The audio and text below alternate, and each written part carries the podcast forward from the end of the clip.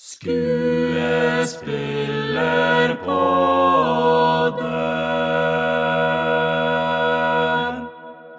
Velkommen til Skuespillerpodden. Dette er en podkast der vi nerder om skuespillerkunst.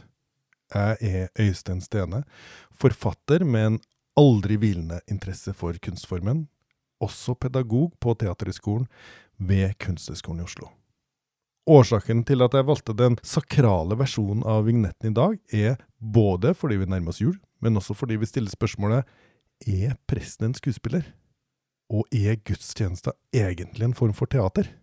Og med meg til å svare på det, så har jeg altså biskop i Oslo, Kari Beiteberg. Velkommen. Tusen takk. De som kjenner til deg, eh, vet nok at du har mangeårig bakgrunn fra Kirkens Bymisjon. Men kanskje litt færre vet at du også er teaterviter. Mm. Um, I tillegg til teolog, selvfølgelig. Og da du skrev din teologiske doktorgrad, så handla den om de teatrale aspektene ved gudstjenesten, mer spesifikt opp mot dåpsritualet. Mm. Er det mange i norske kirker som er opptatt av det her? Altså koblinga mellom det teatrale og det religiøse? Det er jo en grunn til at jeg skrev den avhandlingen og forska på akkurat det jeg har forska på.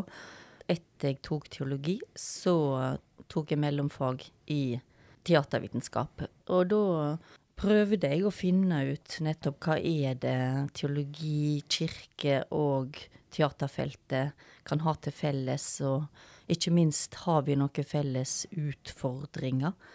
Og de oppgavene jeg skrev da, handler Den første var relasjon kirketeater, hvor jeg starta med kyrkja i mellomalderen, hvor kyrkja og teater jo var tett sammenvovne. Og så eh, mellomfagsoppgava mi handla om Artaud, Krotowski og Boal. Dette nyere teateret som prøver å åpne opp skillet mellom scene og sal. Og der så jeg at der har vi ganske mye felles når det gjelder utfordringer. Fordi eh, hvis vi nærmer oss eh, den norske høgmessa, så syns jeg for min ståstad at skal vi likne det med teater, så kan vi si ja, det likner med teater. Og kanskje likner det veldig på et uh, titteskåpsteater, eller det borgerlige teateret, ved at publikum sitter passivt tilbakelent, og noe skjer der framme. Så jeg har vært opptatt av, i mitt felt, som ritualteoretiker og eh, liturgiekspert, å finne ut hvordan velge teateret å bryte litt mellom scene, skille og sal, og er dette interessant for meg? Og når jeg skal utdanne prester, er det noe her jeg kan bruke og finne ut av? Men hvorfor forska du på det? Hvor kom impulsen fra? Så gjorde jeg i grunnen det fordi når jeg studerte teologi, så ble jeg veldig god på å lese tekst. Veldig god på det vi kaller å eksegere tekst, og, og finne ut hvordan forbereder jeg ei god preik. Men jeg lærte ikke så veldig mye om dette at som prest så er jeg jo i et rom sammen med mennesker i ei levende handling, i ei tilmålt tid. Eh, og det som skjer der av gester og kroppslig aktivitet, av kommunikasjon, eh, det er ganske så teaterlikt. Og det syns jeg at vi lærte altfor lite av den gangen jeg studerte teologi. Vil det si at din interesse for teater har et slags utgangspunkt i teologien? Ja, det har et utgangspunkt i teologien, og særlig den delen av teologien som heter praktisk teologi. Altså hva redskap og hva håndverk er det jeg utruster de som har valgt å bli prester med?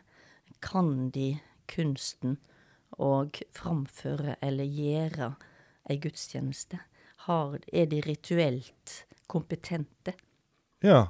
Vet ikke hva du tenker om det, men kanskje vi kan lage et skille mellom et rituale og en forestilling, med at ritualet er noe man er deltaker i, og forestillinga er noe man betrakter. Mhm. Men hva kan vi si mer om ritualet i en religiøs sammenheng, i en kristen sammenheng? Hva er ritualet? Hva gjør det, liksom? Mm. Vi kan si veldig mye. Altså, eh, når jeg skrev avhandlingen min, så, så brukte jeg ordet performance eh, i forhold til en teoretiker som heter Schechner, Richard Schechner. Jeg vet ikke om, om, om han er kjent for de som lytter til oss. Kanskje noen. Kanskje kanskje Vi kan jo si to ord. Ja. han, hvis du, Nei, for han har en sånn, en sånn vifte, da, hvor han nettopp setter en type skuespill, eh, teater, det som skjer der sammen. Det, det var på den ene sida. Og det er til fornøyelse, og det er jo viktig. Men på den andre sida, da, så er, så er ritual, og på den måten at det som skjer, det har en verkekraft i seg. Altså du, du blir transformert. Det, det som eh, ja, det som sies, det, det skjer. Og han mener at vi faktisk kan, når vi utøver en performance, enten havne mer på den ene sida eller på den andre sida. Mm. Så, så en bit av, eh, hvis vi skal kalle det ritual, det er jo at eh, det er et kollektiv til stede og er til stede på noe som, som transformerer oss. Så vi er ikke de samme eh, etterpå som det vi var før, f.eks. Eh, men vi kan òg snakke om det at vi sitter der sammen i, i, i et tidsrom, og så kan det som skjer, være litt på den ene sida og litt på den andre sida. Uh, og det ene trenger ikke være til, til forkleinelse for det andre, men, men, men i det forløpet så, så kan det skje hendinger, handlinger, øyeblikk hvor, hvor alt eh, Det som skjer, på en måte forvandler, da. Eller da, da skjer det noe transcendent, noe overskridende. Så det, det mener jeg, og det, at det skjer i, i mange av våre gudstjenester, eksempel. Eh, noe annet som eh, ritualforskere viser, er jo at i alle kulturer så, så er det, og det kan skje i form av en kristen religion, som jeg er en del av, eller det kunne vært andre religiøse system. Vi har noen riter, vi har noe ritual som som trer i kraft idet et nytt menneske blir født, Mm. eh, idet vi et menneske dør. Eh, og så kunne vi sagt under konfirmasjon, eller det som mange har gjort i vårt samfunn, å gifte seg. Eh, der er det helt klart et før og et etter. Man går fra én rolle fra til en annen? annen. rolle. Ja, du kommer inn som i, i, hvis du søker å bli gift, så kommer du inn og er ikke gift, og når du kommer ut, så er du gift. og det samme skjer med dåpen, og det samme skjer òg i en begravelse. Eh, vi er med å føre et menneske fra en tilstand til et annet. Og det, disse overgangsritualene, livsritene, det er òg noe som jeg er med å forvalte når jeg er prest.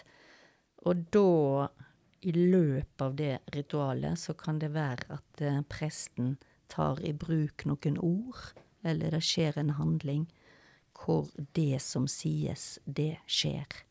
Herved erklærer jeg deg for. Og så er det skjedd. Det der- heter jo i litteraturvitenskapen, så vidt jeg husker, eh, performative setninger. Altså Ja. når du sier noe, så har du forandra verden. Helt klart. Døpe dette skipet for eh, Hva heter skip?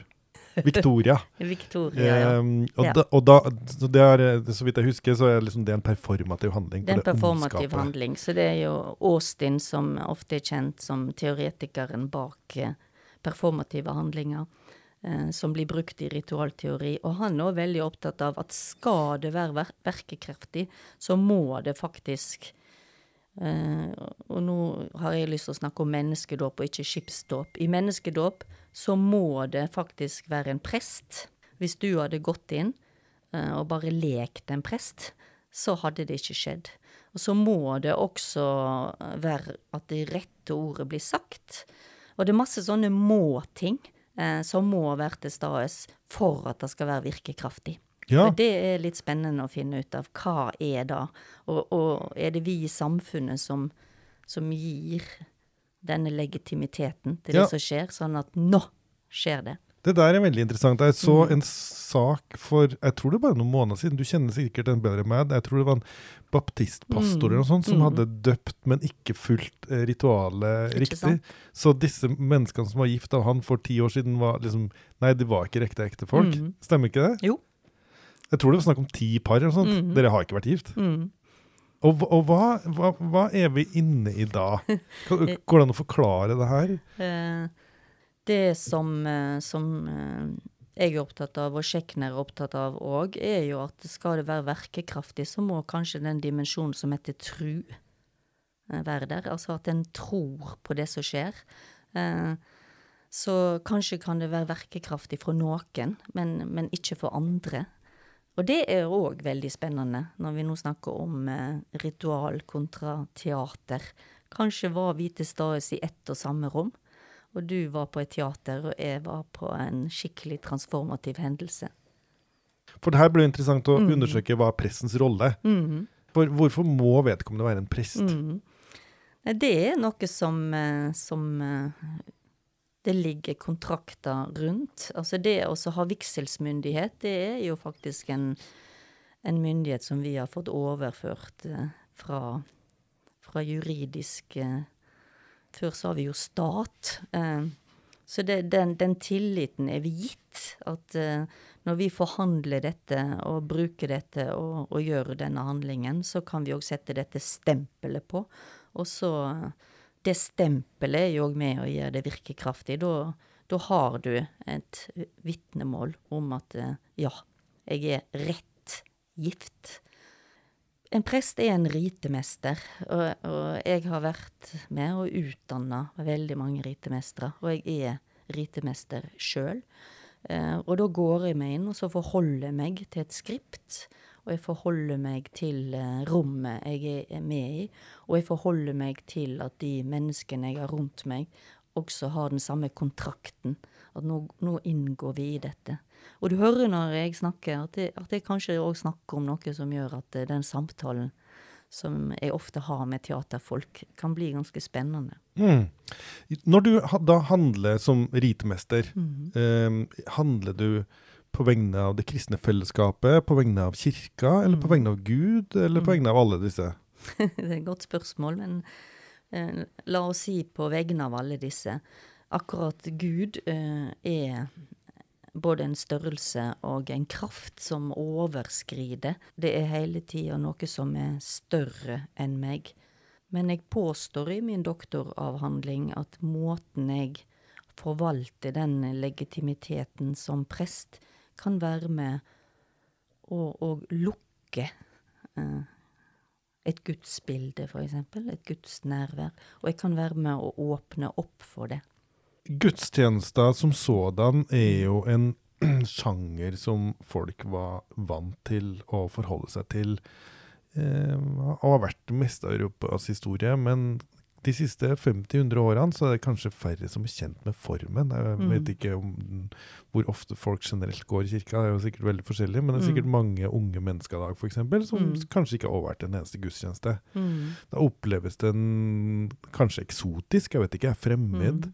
Eh, hvordan tenker du om gudstjenesteritualet i møte med nye Nå skulle jeg til å si Mm. publikummere, men Ja. du vil jo ikke ha publikummere. Du vil ha folk som er, f- opplever at dette er et rituale som angår Mm. dem. Hvordan, hvordan skal man tenke om det? Jeg tenker fryktelig mye på det, egentlig. Fordi at uh, Jeg tror at vi har en uh, Vi har en kjempeutfordring hvis vi tenker at det vi utøver er et ritual som gjør at uh, alle skal få lov til å ta del i det. Og hvis det da i utgangspunktet føle, fre, føles fremmed, så har vi jo et problem på ritualets vegne, eh, sånn sett. Så litt av utdanningen da, og inn mot prester, det er jo eh, en bevisstgjøring på de verkemidlene som vi har til disposisjon, som kanskje er lettere tilgjengelig eh, for folk som ikke er så vant med ritualet. Hvordan, hvordan kan vi legge de til rette uten å bli for manipulerende, for eksempel, eller ikke? Men jeg tror at den bevegelsen nå som, som er i mitt felt, at eh, det å bare Det å åpne opp et kirkerom og slippe folk inn, og eh, er et gode i seg sjøl. Da hører vi ikke bli fulgt med så masse hele tida. Altså og rett og slett åpne kirka? Ja, og åpne kirka, men åpne kirka på en måte at nå trer du inn i et rom som har et våpenhus først. Der legger vi fra oss alt. Og når vi kommer inn i det rommet, så kommer vi inn i et sånn type third space, annet rom, hellig rom. Og det å, å formidle til folk at uh, i den måten vi beveger oss og i det rommet på, at i dette rommet så skal du få være Du kan tenne et lys, du kan sitte der, du kan bli invitert inn i et forløp. Men dette rommet skal være prega av et gudsbilde som gjør at uavhengig om du har penger eller ikke i lomma di, uavhengig hvor du er født opp, på en måte, så er, så er, er dette rommet her for deg, hvis du vil. Mm. Eh, det er sånn vi begynner litt nå, når vi merker at eh, en del som kommer inn, kommer nødvendigvis ikke inn for å delta i den uh, ukentlige messa, eller for at de vet at uh, oi, nå er det tredje søndag i advent, jeg gleder meg, jeg har forberedt meg hele uka på hva presten har tenkt å si. Uh, de blir det færre og færre av, men de fins òg. Noe av det du beskriver, er jo for så vidt også spørsmål som teatret sliter med. Mm. Og du nevnte jo tidligere Grotowski, som Mm. jo var veldig opptatt av at uh, teatret skulle være som et rituale. Og, og veldig mange teaterkunstnere vil jo også ønske seg at forestillinga er et sted hvor vi kommer og faktisk erfarer noe, Mm. og hvor vi går ut og er en annen enn når vi kom. Uh, hvor skulle jeg, ja? Jo, jeg bare lurte på Hvis du kan si noe enkelt om gudstjeneste, altså liturgien, som eh, en hvis vi, hvis vi betrakter det som en teaterforestilling, da, Mm. så har den jo vært eh, forbausende lik, så vidt jeg vet, Mm. i noen tusen år. Mm. Den har liksom den samme dramaturgien. Det har ikke skjedd så mye, liksom. Nei, og det hører jeg faktisk over flere og flere nå, og kanskje syns det er fint. Eh, en ritualteoretiker vil nok si at det samme om det ser likt ut, så er det ikke likt, fordi folkene er forskjellige. Eh, så det er liksom det der hva er likt, og hva er ikke likt. Vi er fagfolk, vi òg, og vi omsetter Bibelen på nytt og på nytt fordi vi finner nye kilder og nye funn, og, og vi Ja, vi prøver oss. Men ordo, struktur, det er utrolig likt. Og, og, det, det, og det håper jeg at folk oppdager, for det tror jeg er ganske viktig òg. At det kommer inn og Og det er noe som er gjenkjennelig. Ja, vi samles, og da roper vi Kyrie og Gloria. Og vi ber, og så er det en orddel hvor vi legger ut det som Ja. er vår hellige bok. Og de tekstene blir lagt ut på en måte at vi følger kirker. Jesus blir født uh, i desember en gang, og vi nærmer oss påsken gjennom en fastetid. Og, og så går det sånn sånt årshjul, og det, det har jeg fryktelig sans for. Det, det skal gjentas, og det skal gjentas. Det siste som Jesus gjorde, det var å sitte sammen med vennene sine, og, og da tok han eh, et beger eller en kopp som var vin i, og så tok han det brødet ved det måltidet, og så løftet han det opp, og så sa han at eh, nå skal jeg snakke bort, men i ettertid, når dere er samla, så ta denne koppen og løft den opp, og drikk denne vinen, og gjør det til minne om meg. Det er til liv, synder blir tilgitt. Og det gjorde han etter faktisk han hadde tatt brødet, som han òg tok da, og dette brødet er min kropp som brytes opp, og hver gang dere deler det, så vit at da er jeg til stades, da er jeg der. Så det at vi har denne eukaristien, nattverden, dette måltidet hver søndag, det har gått i ei uavbrutt rekke. I år etter år etter år, under jorden, i små husgrupper, i store basilikaer. Og det har eh, slått rot da, i østkyrkja og i vestkyrkja, og sør og nord. Igjen og igjen og igjen. Og det er likt. Når du nå beskriver nattverden, eh, kan vi si at det er en slags sånn mm, høydepunkt i gudstjenestedramaturgien? Ja, det er et høydepunkt, og det var det faktisk ikke når jeg vokste opp. Så jeg òg er del av en tradisjon som ja, den er lik, men eh, den har landa litt ulikt i ulike land, og kanskje litt ulikt på Vestlandet enn på Østlandet. Eh, men eh, i løpet av min mi tid så har en åpna for at barn kan gå til nattvær mer. Det gjorde man ikke jeg- før. Nei, jeg husker at mamma og pappa gikk til nattvær, og de kom ned og, og lukta litt annerledes. Jeg var ganske misunnelig. Jeg følte meg litt sånn utestengt. Så Da tenkte du jeg ville bli prest. Ja, jeg vil ta del. Og så, og så var det òg i mange lutherske kirker at en hadde nattverd kanskje bare én gang for måneden. Så vi har nok opplevd en sånn eh, revival, en sånn eh, oppdagelse av eh, at, at det, er, det er mess og det er måltidet òg som er, som er høydepunktet, kan du si, i, i vår gudstjeneste. Det er jo et ekstremt sterkt og komplekst bilde at, jeg, at man liksom går inn i ritualhuset Mm. og spiser kroppen til guddommen. Mm. Hvordan skal man liksom forstå det, hvis Mm. man eh, kommer som alien til jordkloden og, og får forklart det ritualet? liksom? Ikke sant? Og det er jo mange som har undra seg på, og òg fortolka ulikt. Alt fra en veldig konkret fortolkning, som mine romersk-katolske venner har, og, og til en veldig sånn mer symbolsk handling. Men jeg tror, tror det er derfor òg jeg har fastholdt eh, kristen tru som eh, noe jeg vil stå i. Eh, fordi jeg ser noe sånn skandaløst og, og noe heftig med, med en gud som, som valgte å, å bli inkarnert i, i Jesus, et utsatt menneskebarn, eh, som eh, levde et visst tidsmål på jorda. Eh, for meg så er det òg en bejaelse til kropp, da. Mm. Og, og kropp er ikke så dumt. Min eh, måte å forholde meg til det, er at jeg, jeg kan aldri forstå det, for da er jeg redusert det. For meg er nattverd òg en type feiring og en, og en bekreftelse på at, um, at Jesus er levende her og nå. Jeg vil minnes Jesus Kristus ved å ta del i det måltidet, og jeg eh, trenger òg den krafta når jeg skal gå videre. Og jeg eh, tenker at eh, det nattverdbordet kan òg være ganske åpent. En trenger ikke forstå det. Det er en grunn til at at òg en treåring kan få komme opp og, og få en fysisk eh, følelse. Og ikke forstå, men bli del i et verdensvidt fellesskap hver søndag i ellevetida.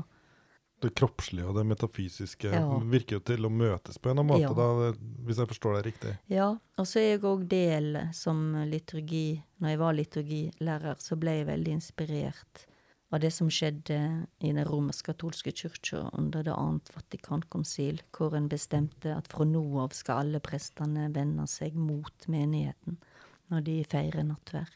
Har en forskjell, det vet jo alle som, som koreograferer, om vi snur ryggen mot noen eller snur ansiktet mot noen. Det det er det som jeg innledningsvis sa, det er med å åpne opp, eller, og det kan være med å lukke igjen for den handlingen en er satt til å, å lede. Mm. Hvem er Gud i Bibelen? Er Gud liksom ultimate publikummer, eller? Mm, det Er han en ult ultimate aktør, eller begge deler? Om hun eller hen eller han, ja. Jeg har jo skrevet en del bøker om Bibelen, og det som er viktig for meg hele tida, er jo å holde fram av Bibelen i et stort bibliotek med all slags tekster. Poetiske tekster, salmetekster, sånn som er resitative tekster, og eh, visdomstekster, og historiske bøker, og lovbøker, og og, og når jeg går inn og leser tekstene, så, så er det jo Hva er det hva er det som står på spill her? Ja, hva er det den boka forsøker å besvare? Og når det gjelder evangeliet, så er det jo faktisk fire av dem, og det er fire helt ulike manus, kan du si. Altså I Johannesevangeliet så går jo Jesus triumferende til korset. Det er liksom yeah, det er fullbrakt. Og i Markus så avsluttes det jo bare i et stort skrik, og fire damer, de, eller de damene som er der, bare springer vekk og er redde.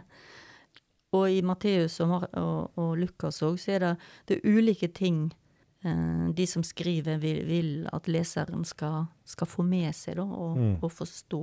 Jeg tenker som framførelsesskript ville jeg først kik kikke på type hva sjanger er dette her. Mm. Så altså, Gud har litt forskjellige roller i forskjellige sjangre i Gud tekstene? Gud har forskjellige roller i forskjellige uh, sjangre, men jeg vil vel mer si at uh, i, i, en lesning, i en framføring, så skjer Gud.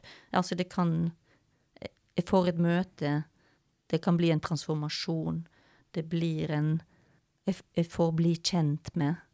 Uh, noe som springer langt utover meg, Gud.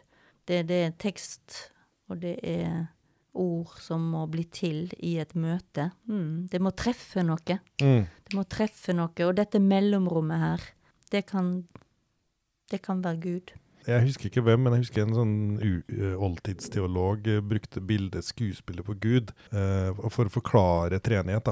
dette var sikkert i begynnelsen når man forsøkte å utforme en teologien. Mm. At uh, han forklarer at liksom, Kristus og Gud og Den hellige ånd er tre forskjellige liksom, masker Gud tar på seg. Mm.